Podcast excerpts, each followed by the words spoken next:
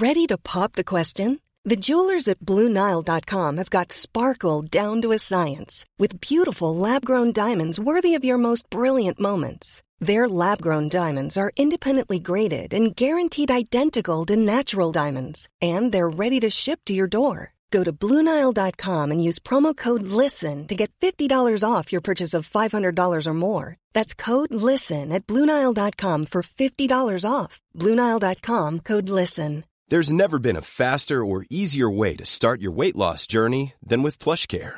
PlushCare accepts most insurance plans and gives you online access to board-certified physicians who can prescribe FDA-approved weight loss medications like Wigovi and Zepbound for those who qualify. Take charge of your health and speak with a board-certified physician about a weight loss plan that's right for you. Get started today at plushcare.com slash weight loss. That's plushcare.com slash weight loss. plushcare.com slash weight loss. Millions of people have lost weight with personalized plans from Noom, like Evan, who can't stand salads and still lost 50 pounds. Salads, generally, for most people, are the easy button, right? For me, that wasn't an option. I never really was a salad guy. That's just not who I am. But Noom worked for me. Get your personalized plan today at Noom.com. Real Noom user compensated to provide their story. In four weeks, the typical Noom user can expect to lose one to two pounds per week. Individual results may vary. Välkomna tillbaka till podden Utan dig med mig Emelie. Och mig, Alexandra. Det här är en podd som handlar om förluster och framförallt förlusten av våra barn. Vi kommer att prata osensurerat och öppet från våra hjärtan, vilket kan göra att innehållet väcker mycket känslor. Alla sörjer olika och det finns inget rätt eller fel. Men risken finns därför att någon kan ta illa upp. Men vi hoppas att våra lyssnare inte ska ta illa upp på något sätt.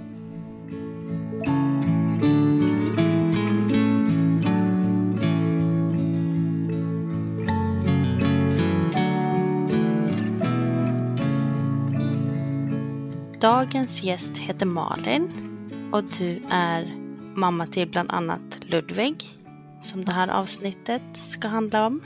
Precis. Eh, Och vi har haft kontakt ganska länge och äntligen har vi fått till en, en inspelningsträff. Ja, det känns jätteroligt att få vara med. Mm, vi är jätteglada att du vill vara med.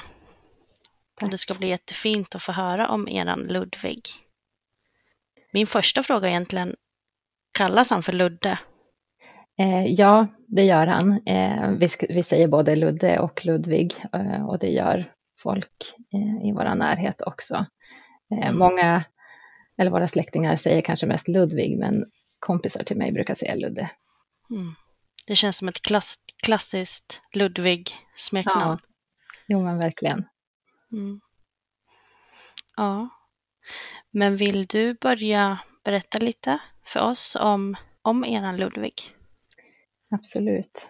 Um, Ludvig han föddes den 11 mars 2020 och eh, han är vårt andra barn. Vi har också ett barn sedan tidigare som heter Henry som nu är sex år. Eh, och sen har vi också en lilla syster som heter Julie som föddes eh, 2022. Eh, men Ludvig han föddes eh, i mars 2020 och eh, det var en helt normal graviditet.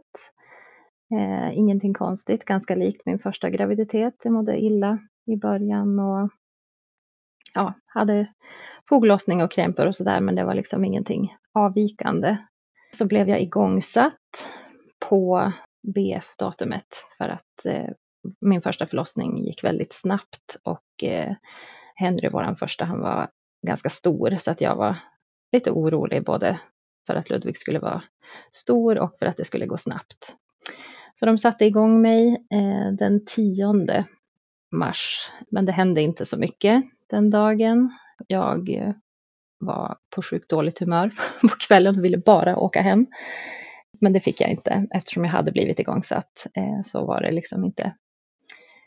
Ja, man fick inte åka hem utan vi skulle fortsätta dagen efter.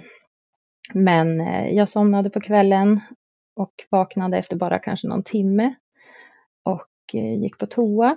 Och väl inne på toan så började jag få verkar och så gick vattnet Och sen gick allting otroligt snabbt igen. Jag fick dessutom så springa från det ena förlossningsrummet till det andra medan han typ var på väg ut. För att de kom på mitt i allt att här fanns ingen lustgas. Så, nej men så han föddes mitt i natten den 11 mars.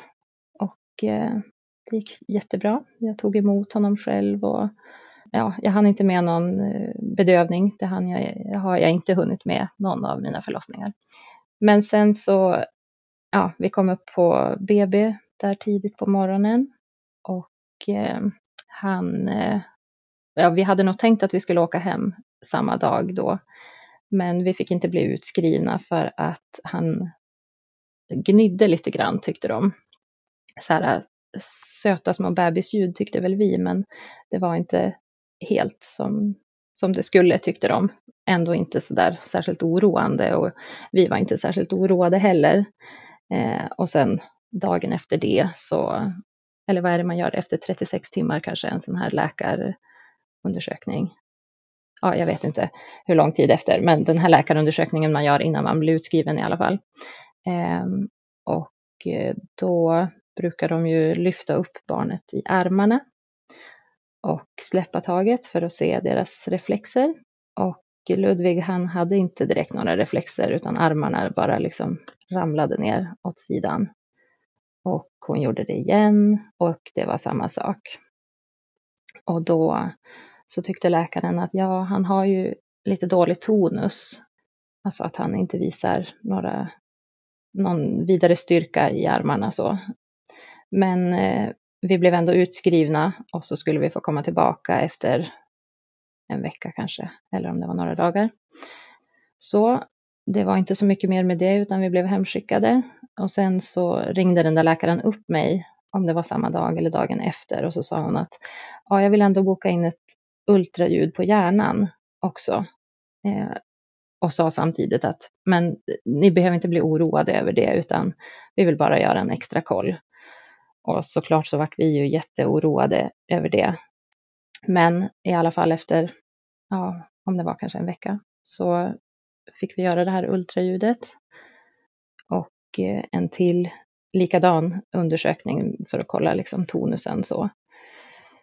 Och det var samma sak då. Han hade inga reflexer, men de kunde inte se någonting eh, specifikt på det här ultraljudet som visade någonting.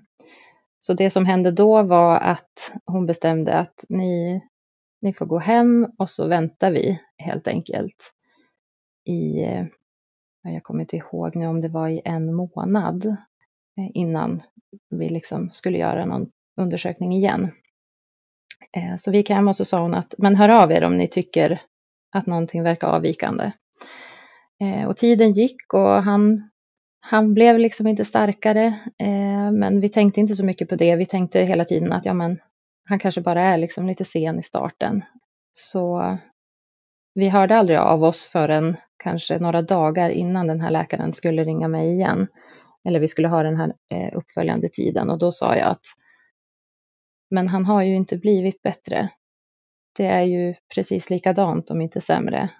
Och så fick vi komma in på undersökning igen och så unders eh, gjorde hon samma sak en gång till och kanske lite fler eh, koller också.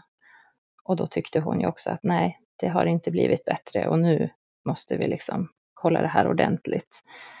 Så då bokades det in en så magnetröntgen som skulle göras.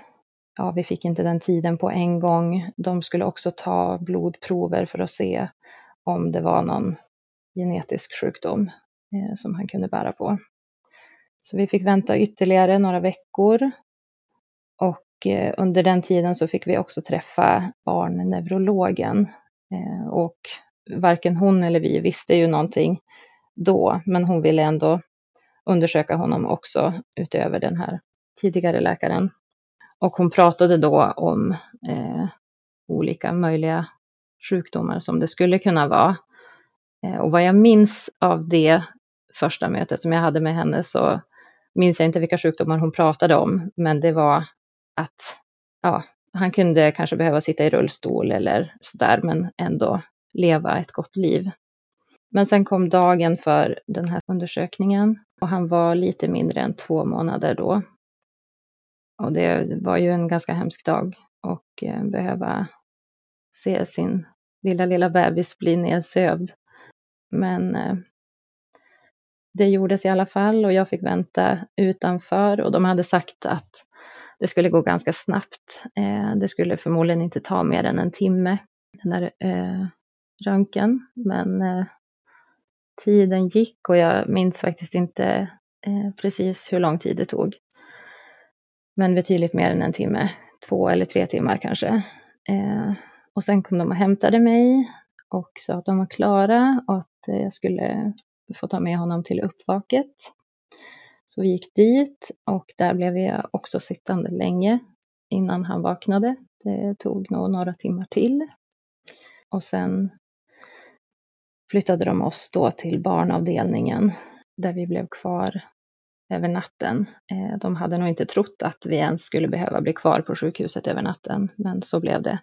Och även under tiden som jag satt utanför den här röntgen och väntade så ringde neurologen till mig och så sa hon att eh, jag skulle gärna vilja träffa er imorgon och jag vill att Ludvigs pappa också följer med.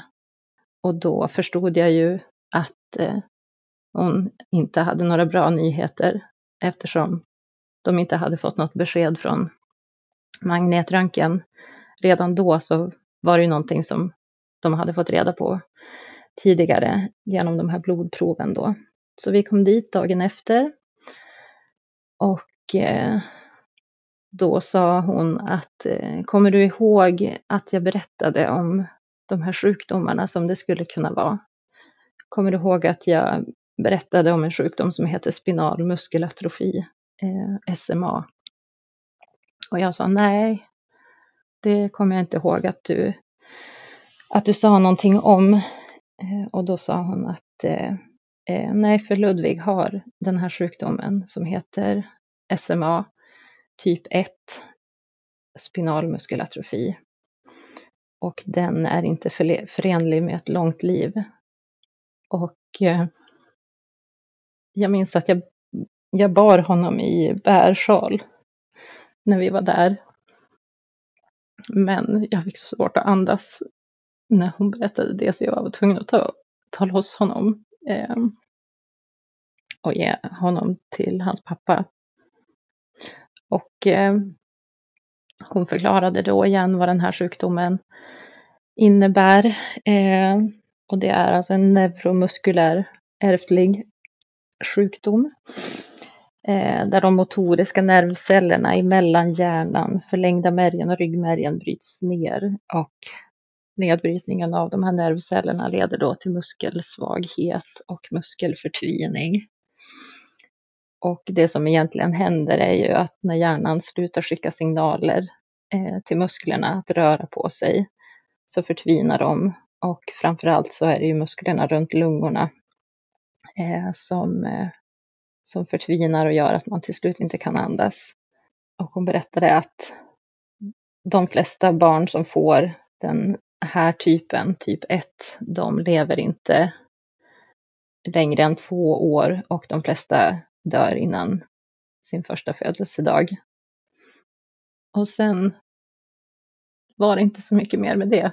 Eh, vi fick gå hem eh, med orden att vi skulle höra av oss när han får det jobbigt och börja äta.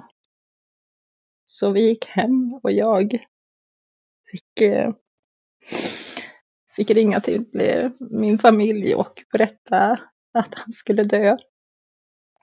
Och det där var på en fredag som vi hade mötet med läkaren.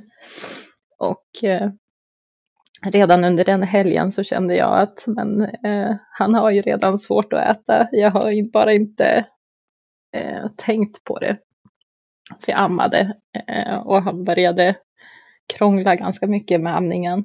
Så på måndagen, eh, det var hans två månaders dag då, så ringde jag upp barnmottagningen igen och sa att vi måste sätta en sond för han kan inte äta. Eh, och det var första gången vi blev inlagda på sjukhuset. Eh, och blev kvar i några dagar. Men eh, sen följde liksom en, en tid där i början ändå när vi åkte lite fram och tillbaka. Vi var nog ändå mestadels hemma. För att men i början där i mitten på maj ungefär så mådde han fortfarande helt okej. Okay. Han rörde sig ju i princip ingenting. Han kunde inte vrida huvudet från sida till sida och kunde bara lyfta underarmarna eh, från, ja, från underlaget och kunde inte lyfta sina ben mer än dra upp dem lite, lite grann.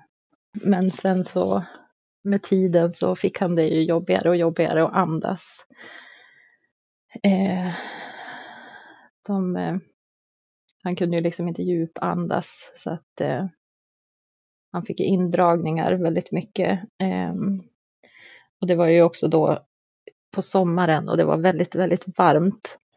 Vilket också gjorde att det blev väldigt jobbigt för honom. Så eh, den 23 juni, några dagar efter midsommarafton, då blev vi inlagda och då hade han blivit ganska rejält mycket sämre. Ja, då minns jag inte hur länge vi blev inlagda, men några dagar kanske. Och eh, under den tiden så bestämde jag mig helt akut en dag för att vi måste ha ett dop. Så att vi, eller jag kontaktade sjukhusprästen då och så bestämde vi att vi ska ha ett dop imorgon.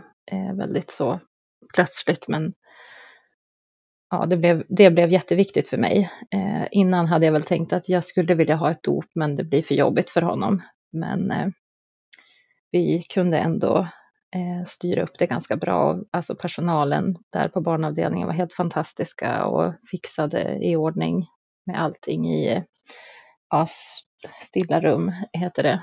Och fixade med fika och sådär.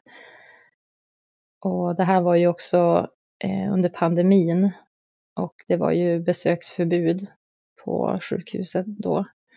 Men eh, eh, hon som var chef på avdelningen där, hon, hon tog bort alla restriktioner för oss. Eh, vi fick komma och gå som vi ville och vi fick ta dit vilka vi ville när vi ville, vilket ju var jättefint.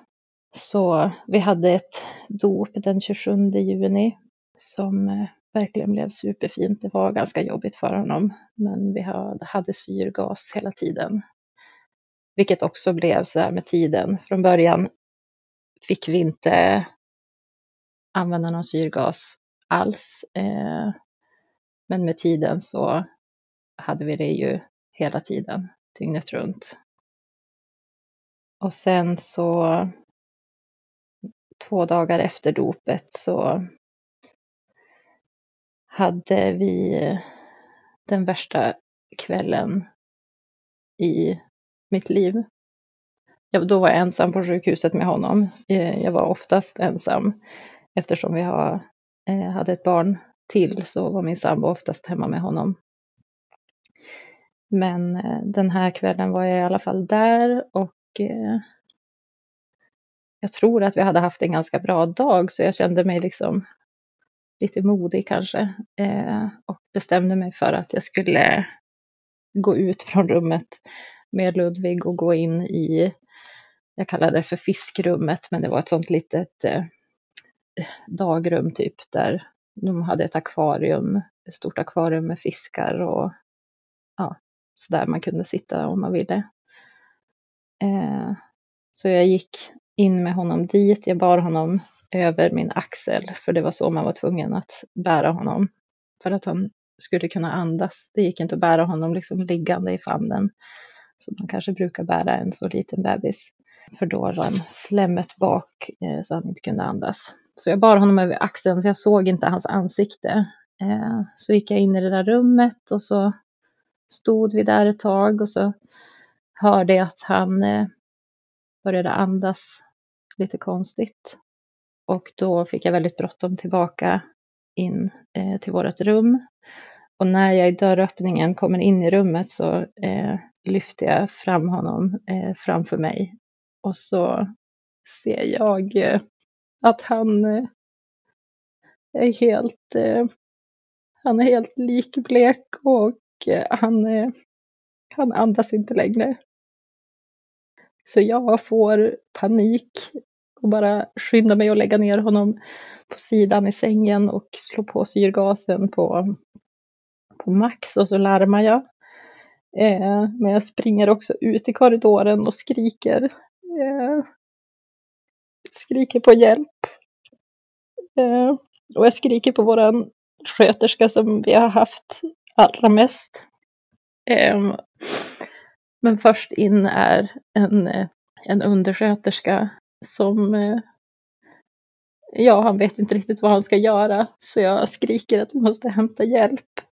Och så kommer då vår sköterska. Och sen kommer alla andra som jobbar in. Eh, och de tror ju att han är död. Och jag tror att han är död. Eh, men jag får lägga mig i sängen och de lägger honom på mig och håller liksom syrgasen nära. Och eh, jag minns så väl att en sköterska säger att han är nog död. Det ser ut som det på hans fötter. För att de var helt blå. Men eh, syrgasen gör ändå att han kommer tillbaka och ändå liksom återhämtar sig hyfsat snabbt. Men den här händelsen sitter så djupt etsat i mig och är hundra gånger värre än när han faktiskt dog. Och de eh, ringde då till eh, hans pappa som kom dit så fort han kunde. Och eh, vi hade haft, vi hade liksom fått ganska mycket eh, vak som satt eh, med Ludvig på nätterna för att jag skulle få sova någon gång. Men just den här natten så, så kunde jag inte ha det. Jag, jag var liksom tvungen att sitta och titta på honom hela natten för jag tänkte att det här kommer vara den sista natten. Eh, men det var inte den sista natten utan redan dagen efter så fick vi åka hem på permission bara så några timmar över dagen. Vi hade ju med oss syrgas och allt sånt där men på något sätt blev det också viktigt att, att få vara i hemmamiljön. Vi hade också fått eh, så här, tillgång till hemsjukvård men eh, jag kände mig oftast ändå tryggare med att åka in på sjukhuset. Och för att de tyckte också att det var viktigt att jag skulle få, få vila. Men vi åkte hem den dagen. Eh, min bästa kompis kom på besök och det kändes också fint att hon fick träffa honom. Men det var ändå liksom början på slutet de där dagarna. Sen åkte vi tillbaka och vi gjorde lite mer så här hand och fotavtryck och så, men jag märkte också att personalen började komma in eh, mer och mer och liksom all personal kom in så att det kändes lite som att de eh, kom in för att hinna ta farväl av honom. Och sen eh, så var det den andra juli. Den dagen så sov han hela dagen. Vad vi än liksom gjorde med honom så sov han bara igenom det. Eh, han hade också börjat bli ganska svullen. Ögonlocken hade liksom svullnat upp och hela han såg ganska puff, puffig ut. Och eh, då förstod ju vi också att nu är det inte så lång tid kvar. Men eh, kvällen kom och eh, han tittade faktiskt upp på oss en gång på kvällen. Och jag höll i honom också en gång. Eh, det var ganska jobbigt för honom när man, när man höll i honom. Det märktes direkt att han började må sämre. Det som hände ofta med honom Eh, under hela den här perioden och mer och mer på slutet var att han fick så, eh, sådana episoder då han eh, ja, man inte kunde andas och han blev liksom blågrå i ansiktet och började svettas jättemycket. Eh, så vi gjorde ju allt vi kunde för att de här episoderna skulle bli så få som möjligt. Men eh, jag minns den kvällen den 2 juli i detalj. Jag minns precis vilken pyjamas han hade på sig. Eh, jag ser framför mig när jag byter blöja. Eh, jag vet vilka som jobbade.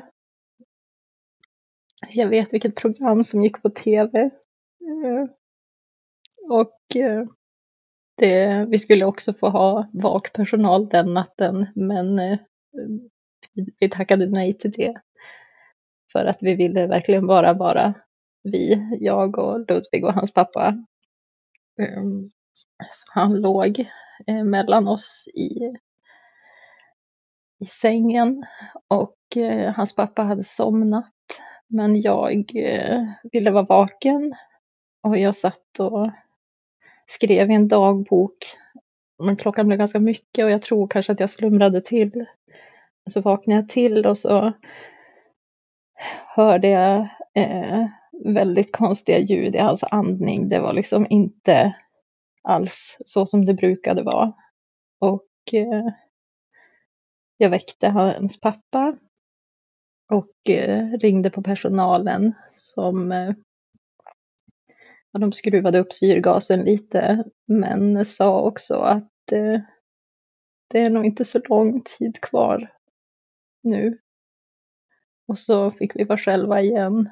Eh, och jag sjöng hela tiden. Eh, vi höll honom i handen, eh, i varsin hand. Och jag sjöng eh, godnattvisor om och om igen. Och eh, sen dog han. Och det, det är min historia om Ludvig, om vår, vår eh, kärlekshistoria.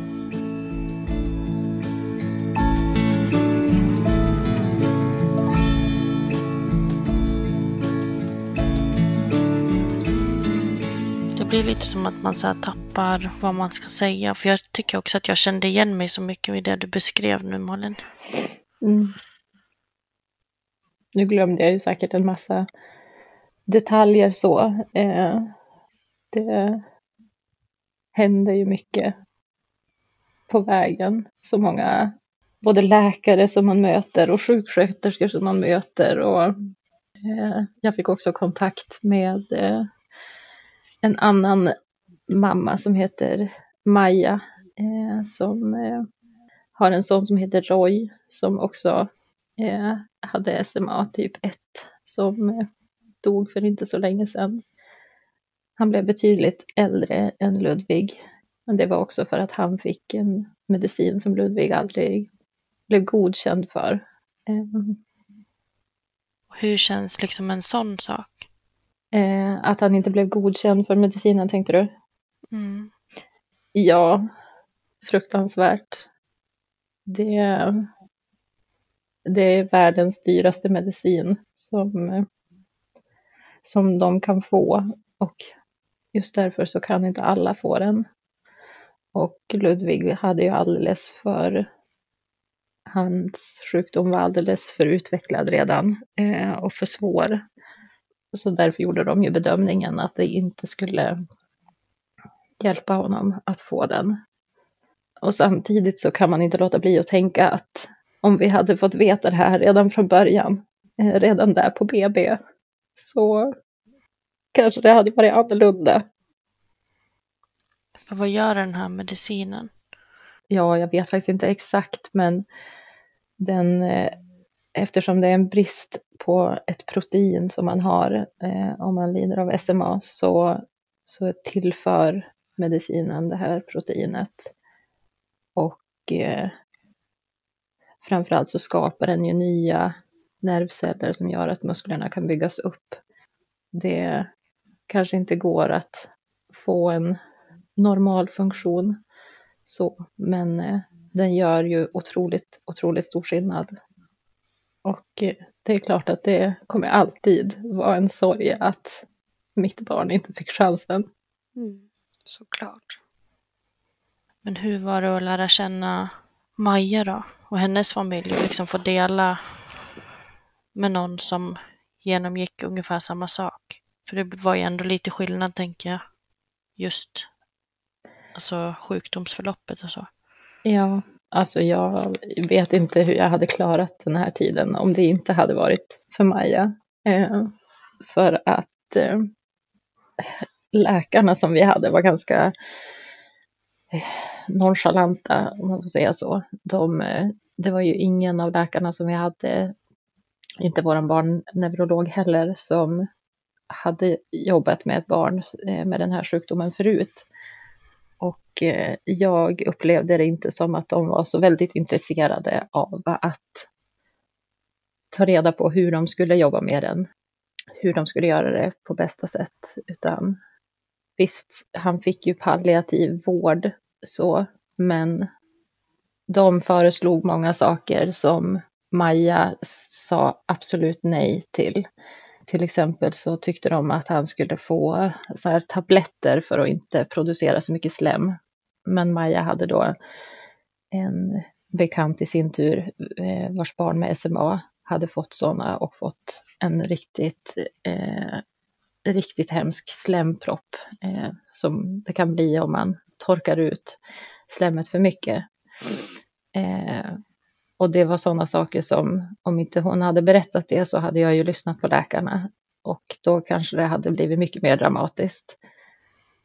Och eh, ja, men hon lärde mig ju så mycket kring hur jag skulle vårda honom. Att sitta och guppa med honom på en pilatesboll när han låg över axeln för att lösa upp det här slemmet och ja, men flera hjälpmedel. Eh, hur jag skulle använda dem, vad jag skulle be om att få och sånt där. Så jag är verkligen evigt tacksam för henne och för all tid och kunskap och medkänsla som hon gav under den här tiden.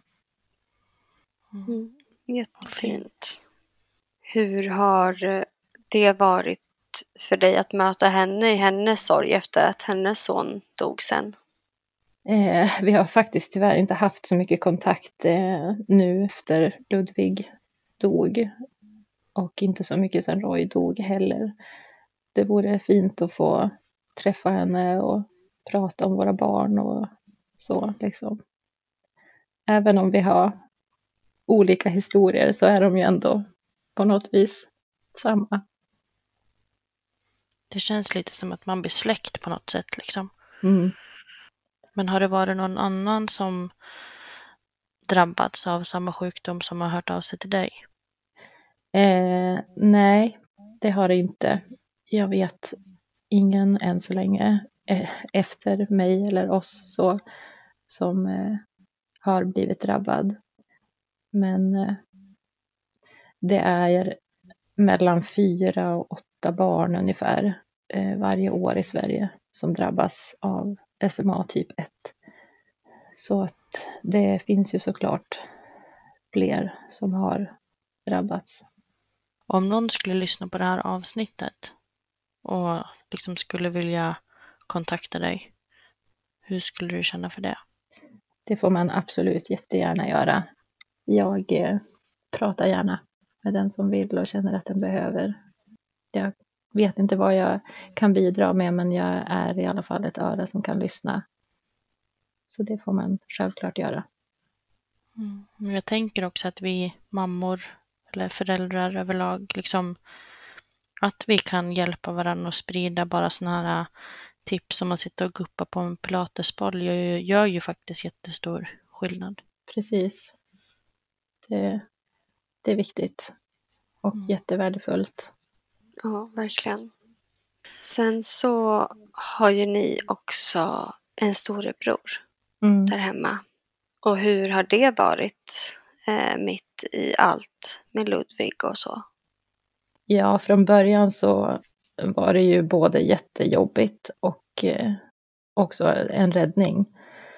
Eh, jättejobbigt för att jag inte kände att jag orkade eh, så mycket. Han var ju tre år, tre och ett halvt när Ludvig dog. Och eh, det är svårt att veta hur mycket en treåring förstår av vad som händer och eh, Ludvig levde ju en så kort eh, tid av hans liv så att det är väl lite så här, eh, han var här och nu är han borta. Men eh, jag minns också hur han några veckor efter att Ludvig dog så var vi, var vi ute i våran stuga och så satt vi vid vattnet och så sa Henry att Mamma, jag önskar att jag hade en Paw Patrol-knapp så att jag kunde flyga upp till lillebror i himlen. Eh, väldigt fint och sorgligt. Men han har ju också varit räddningen för eh, hur vi tog oss igenom det. Och vi försöker ju att prata om Ludvig mycket också, även om det mest är jag som, eh, som tar upp honom. Så, men eh, jag vill ju verkligen hålla minnet vid liv. Ja, såklart. Men sen så kände ni ändå att ni vågade försöka igen? Ja, det gjorde vi. Eh, och det var ju absolut inte självklart eftersom sjukdomen är ärftlig. Eh, precis som den är för er, Emelie. Och eh, vi har ju 25 procents risk eh, med alla barn som vi skaffar att de ska ärva sjukdomen eh, och vara sjuka. Så antingen kan man ju göra, nu kommer jag inte ihåg vad det heter, när man gör eh, PDG. Ja, PDG. P PGD. PGD. PGD. Eh, mm. Precis. Eller så helt enkelt försöka på naturlig väg och så får man eh, göra ett moderkaksprov. Och det gjorde vi. Så jag blev gravid igen våren 2021. Och eh, det tog ganska lång tid eh, innan vi fick svar på om barnet i magen var frisk eller inte. Eh, jag var väl då kanske i vecka 15 eller något sånt. Och det var en helt fruktansvärd väntan. Jag kunde absolut inte ta till mig graviditeten eh, innan det. Och knappt efteråt heller. Men eh, vi fick i alla fall veta att barnet förväntades födas friskt. Och vi fick också veta då att det var en flicka. Vi var inte helt säkra på om vi ville ta reda på, på kön, men jag tror faktiskt att det var vårdpersonalen som i samråd med min sambo då tyckte att vi skulle veta för att det kanske skulle göra det lättare för mig att ta till mig barnet eh, i magen. Eh, våran dotter då. Och eh, ja, det var en jobbig graviditet. Jag var ju konstant orolig. Hade ganska svårt att eh, ta till mig eh, henne och tänka att det här skulle gå vägen. Så jag fick göra ganska mycket ultraljud och extra koller och sådär och allting såg ju alltid bra ut. Men jag gick ju med katastroftankar hela tiden ändå. Och jag ville absolut inte gå över tiden. Och eh, visste inte riktigt heller om jag ville bli igångsatt eller att det skulle sätta igång av sig själv ehm, eftersom mina då två tidigare graviditeter hade gått så snabbt så räknade jag också med att det här skulle gå snabbt. Men eh, det slutade i alla fall med att jag fick komma in, eller jag skulle få bli igångsatt. Eh, men det här var precis vid nyår och eh, ja, men de första dagarna där i januari. Och då här på Umeå, förlossningen i Umeå så tar de också, de stänger ner förlossningen eh, i Lycksele som är en mindre kommun ja, några timmar härifrån. Vilket gör att Umeå eh, förlossning får ju jätte, jättemånga patienter eller födande. Och eh, då ringde de till mig och så sa de vi har inte någon tid att sätta igång dig idag. Eh, vi ringer igen imorgon. Och då tyckte jag först att ja, ja, men det går väl bra, jag kan vänta en dag till. Och så ringde de dagen efter och så sa de igen att eh, nej, vi kommer inte kunna sätta igång dig idag. Och då eh, bröt jag ihop, tror jag att det var då. Och så fick jag komma in och göra en hinsvepning eh, istället. Om det var den dagen eller dagen efter. Och det var en eh, hinsvepning att tala om. För sen var hon född några timmar senare. Det var den snabbaste av mina tre förlossningar. Men det gick också bra. Mm. Men hur är det med dina katastroftankar nu? Um, ja, det märks ju ganska tydligt att jag är djupt traumatiserad. Jag tror ju varenda kväll när hon ligger och sover och jag, när jag ska gå och lägga mig så går jag in. Eh, eller jag sover i samma rum som henne, men när jag går in så är det verkligen så här. Jag fryser till is eh, innan jag hör hennes andetag. För jag tror verkligen att det är inga andetag nu. Och det är ju var, varje kväll. Är det mest för lilla syster för att hon är liten? Ja, det är det. Jag är faktiskt inte så oroad över Henry. Jag var kanske mer oroad och ganska så försiktig kring honom eh, efter, ja men just efter det hade hänt och när han var yngre, eh, sådär, när han var tre, fyra år. Nu ju äldre han blir desto mindre orolig blir jag för honom. Mm. Du är verkligen inte ensam i de tankarna kan jag säga dig. Och det är jättejobbigt att känna så. Ja. Jag vet inte om det är någonting man egentligen kanske borde få hjälp med för att hantera. Eh, eller om det bara är något man ska vänta på att det växer bort med tiden. Tror ju fortfarande varje dag att hon ska dö. Så är det. Ready to pop the question? The jewelers at BlueNile.com have got sparkle down to a science with beautiful lab-grown diamonds worthy of your most brilliant moments. Their lab-grown diamonds are independently graded and guaranteed identical to natural diamonds, and they're ready to ship to your door. Go to Bluenile.com and use promo code LISTEN to get $50 off your purchase of $500 or more. That's code LISTEN at Bluenile.com for $50 off. Bluenile.com code LISTEN. Mom deserves the best, and there's no better place to shop for Mother's Day than Whole Foods Market. They're your destination for unbeatable savings, from premium gifts to show-stopping flowers and irresistible desserts. Start by saving 33% with Prime on all body care and candles. Then get a 15-stem bunch of tulips for just $9.99 each with Prime. Round out Mom's menu with festive rosé, irresistible berry chantilly cake, and more special treats. Come celebrate Mother's Day at Whole Foods Market.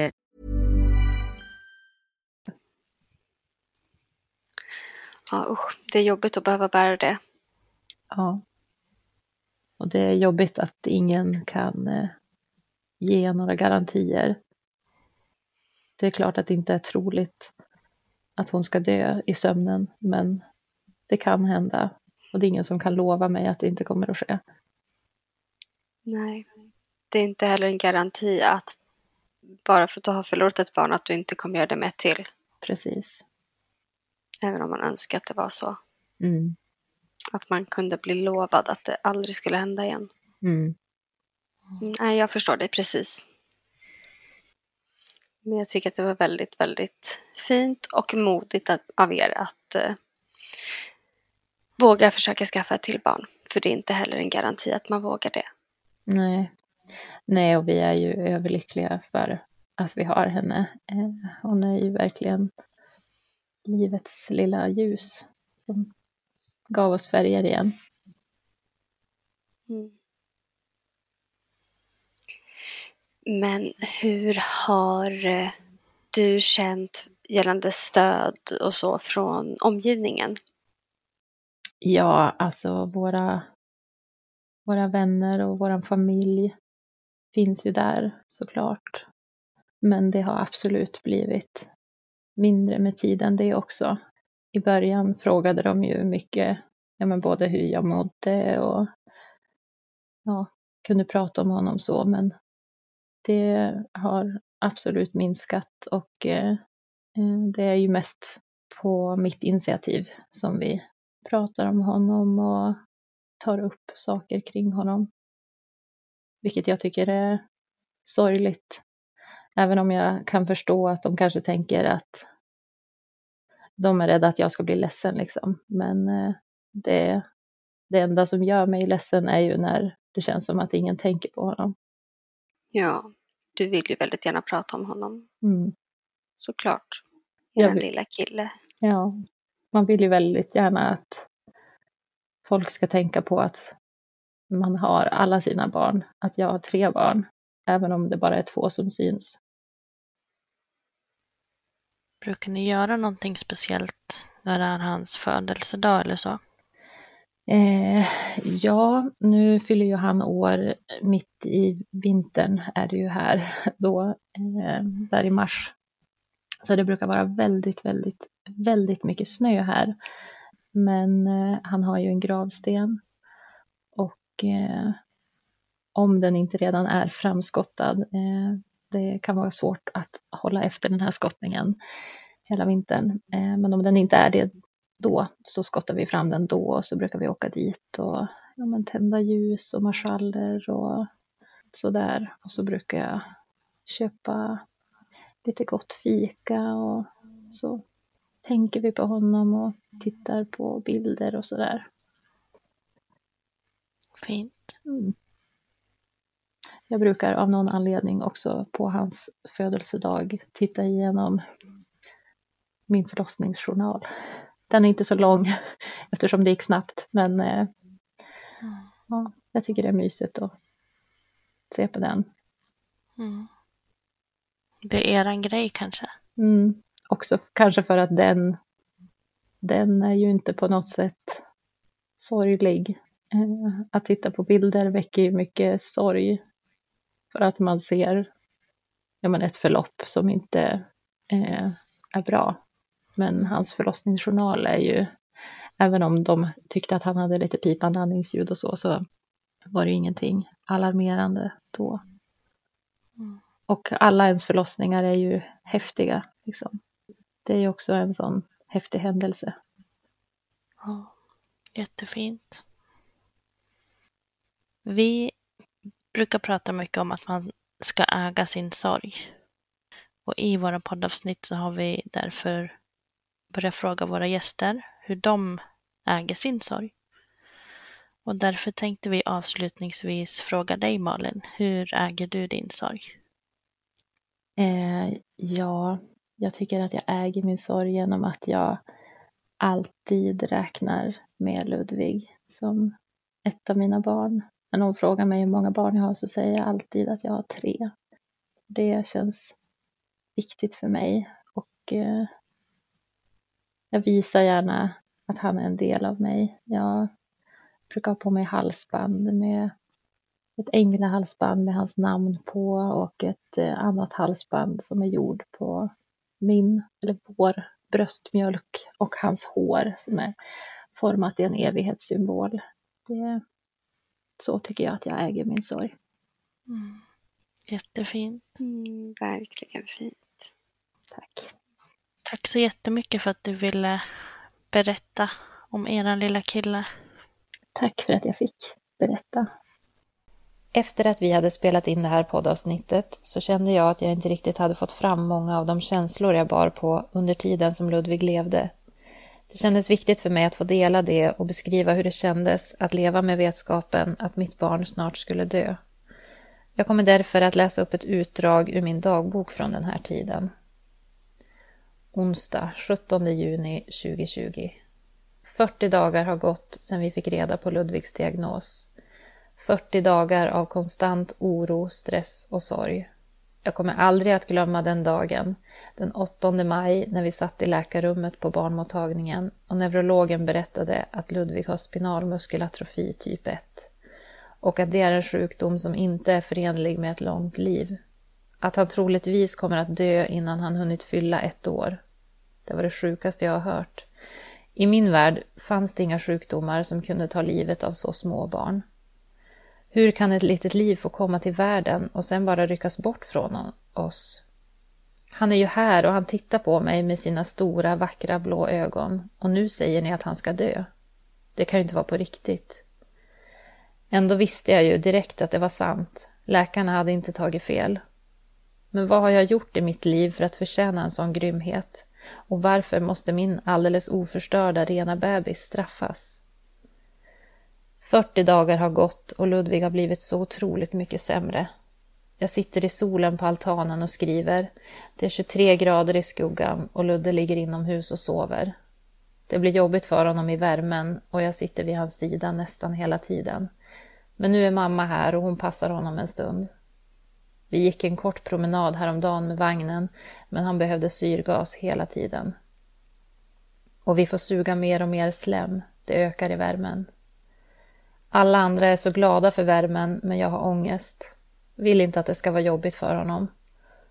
Ofta känner jag att jag skulle vilja göra mer saker. Åka iväg med honom, träffa våra vänner, bada honom i en pool på altanen. Bara vara som en vanlig mamma och låta honom vara med. Fota honom i olika sammanhang. Men han blir för dålig och jag har inte hjärta att plåga honom. Det enda jag vill är att han ska slippa lida. Flera gånger per dag får Ludde svårt att andas. Han kan inte dra djupa andetag och blir snabbt gråblå i ansiktet och svettas. Han kan titta på mig med panik i blicken och det gör ont i hela mig. Att jag inte kan hjälpa ta bort det onda. Jag vill hjälpa honom att hosta bort slemmet, att svälja det rätt. Han andas bara med magen nu. Djupa indragningar och det ser så tungt ut. Han stånkar vid varje andetag och hela spjälsängen skakar. Herregud, en så liten kropp orkar inte andas så så länge till. Det känns som att vi närmar oss slutet. Det är hemskt att tänka på. Jag vill ju ha honom här för alltid. Samtidigt så vill jag bara att han ska få somna in och slippa lida mer. Men hur ska jag kunna fortsätta? Hur fortsätter man leva när ens barn har dött? Igår åkte jag och mamma till en lekpark med Henry. Det var roligt att vara med och göra något kul för honom. Samtidigt så såg jag glada föräldrar med sina barn och blev så oändligt sorgsen. Den här sommaren skulle ju vara precis så bekymmerslös som den ser ut att vara för alla andra. Vi skulle åka till lekparker med medhavd fika, Henry skulle leka fritt och Ludde skulle ligga och jollra i vagnen i skuggan. Jag skulle shoppa barnkläder och leksaker och tänka på framtiden. Hur mycket roligt vi skulle ha nästa sommar och sommaren därpå.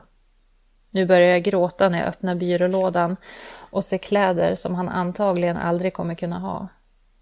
Jag köper inga leksaker för han har inga muskler för att leka med dem. Förra veckan blev han tre månader och vi firade med att baka tårta och han fick en diddy-skallra.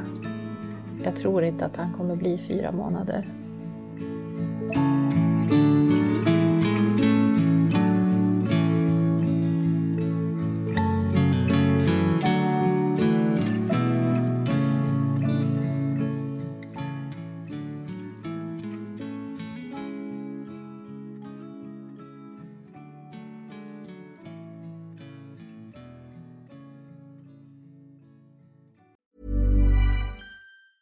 Mom deserves the best, and there's no better place to shop for Mother's Day than Whole Foods Market. They're your destination for unbeatable savings, from premium gifts to show-stopping flowers and irresistible desserts. Start by saving 33% with Prime on all body care and candles. Then get a 15-stem bunch of tulips for just $9.99 each with Prime. Round out Mom's menu with festive rosé, irresistible berry chantilly cake, and more special treats. Come celebrate Mother's Day at Whole Foods Market.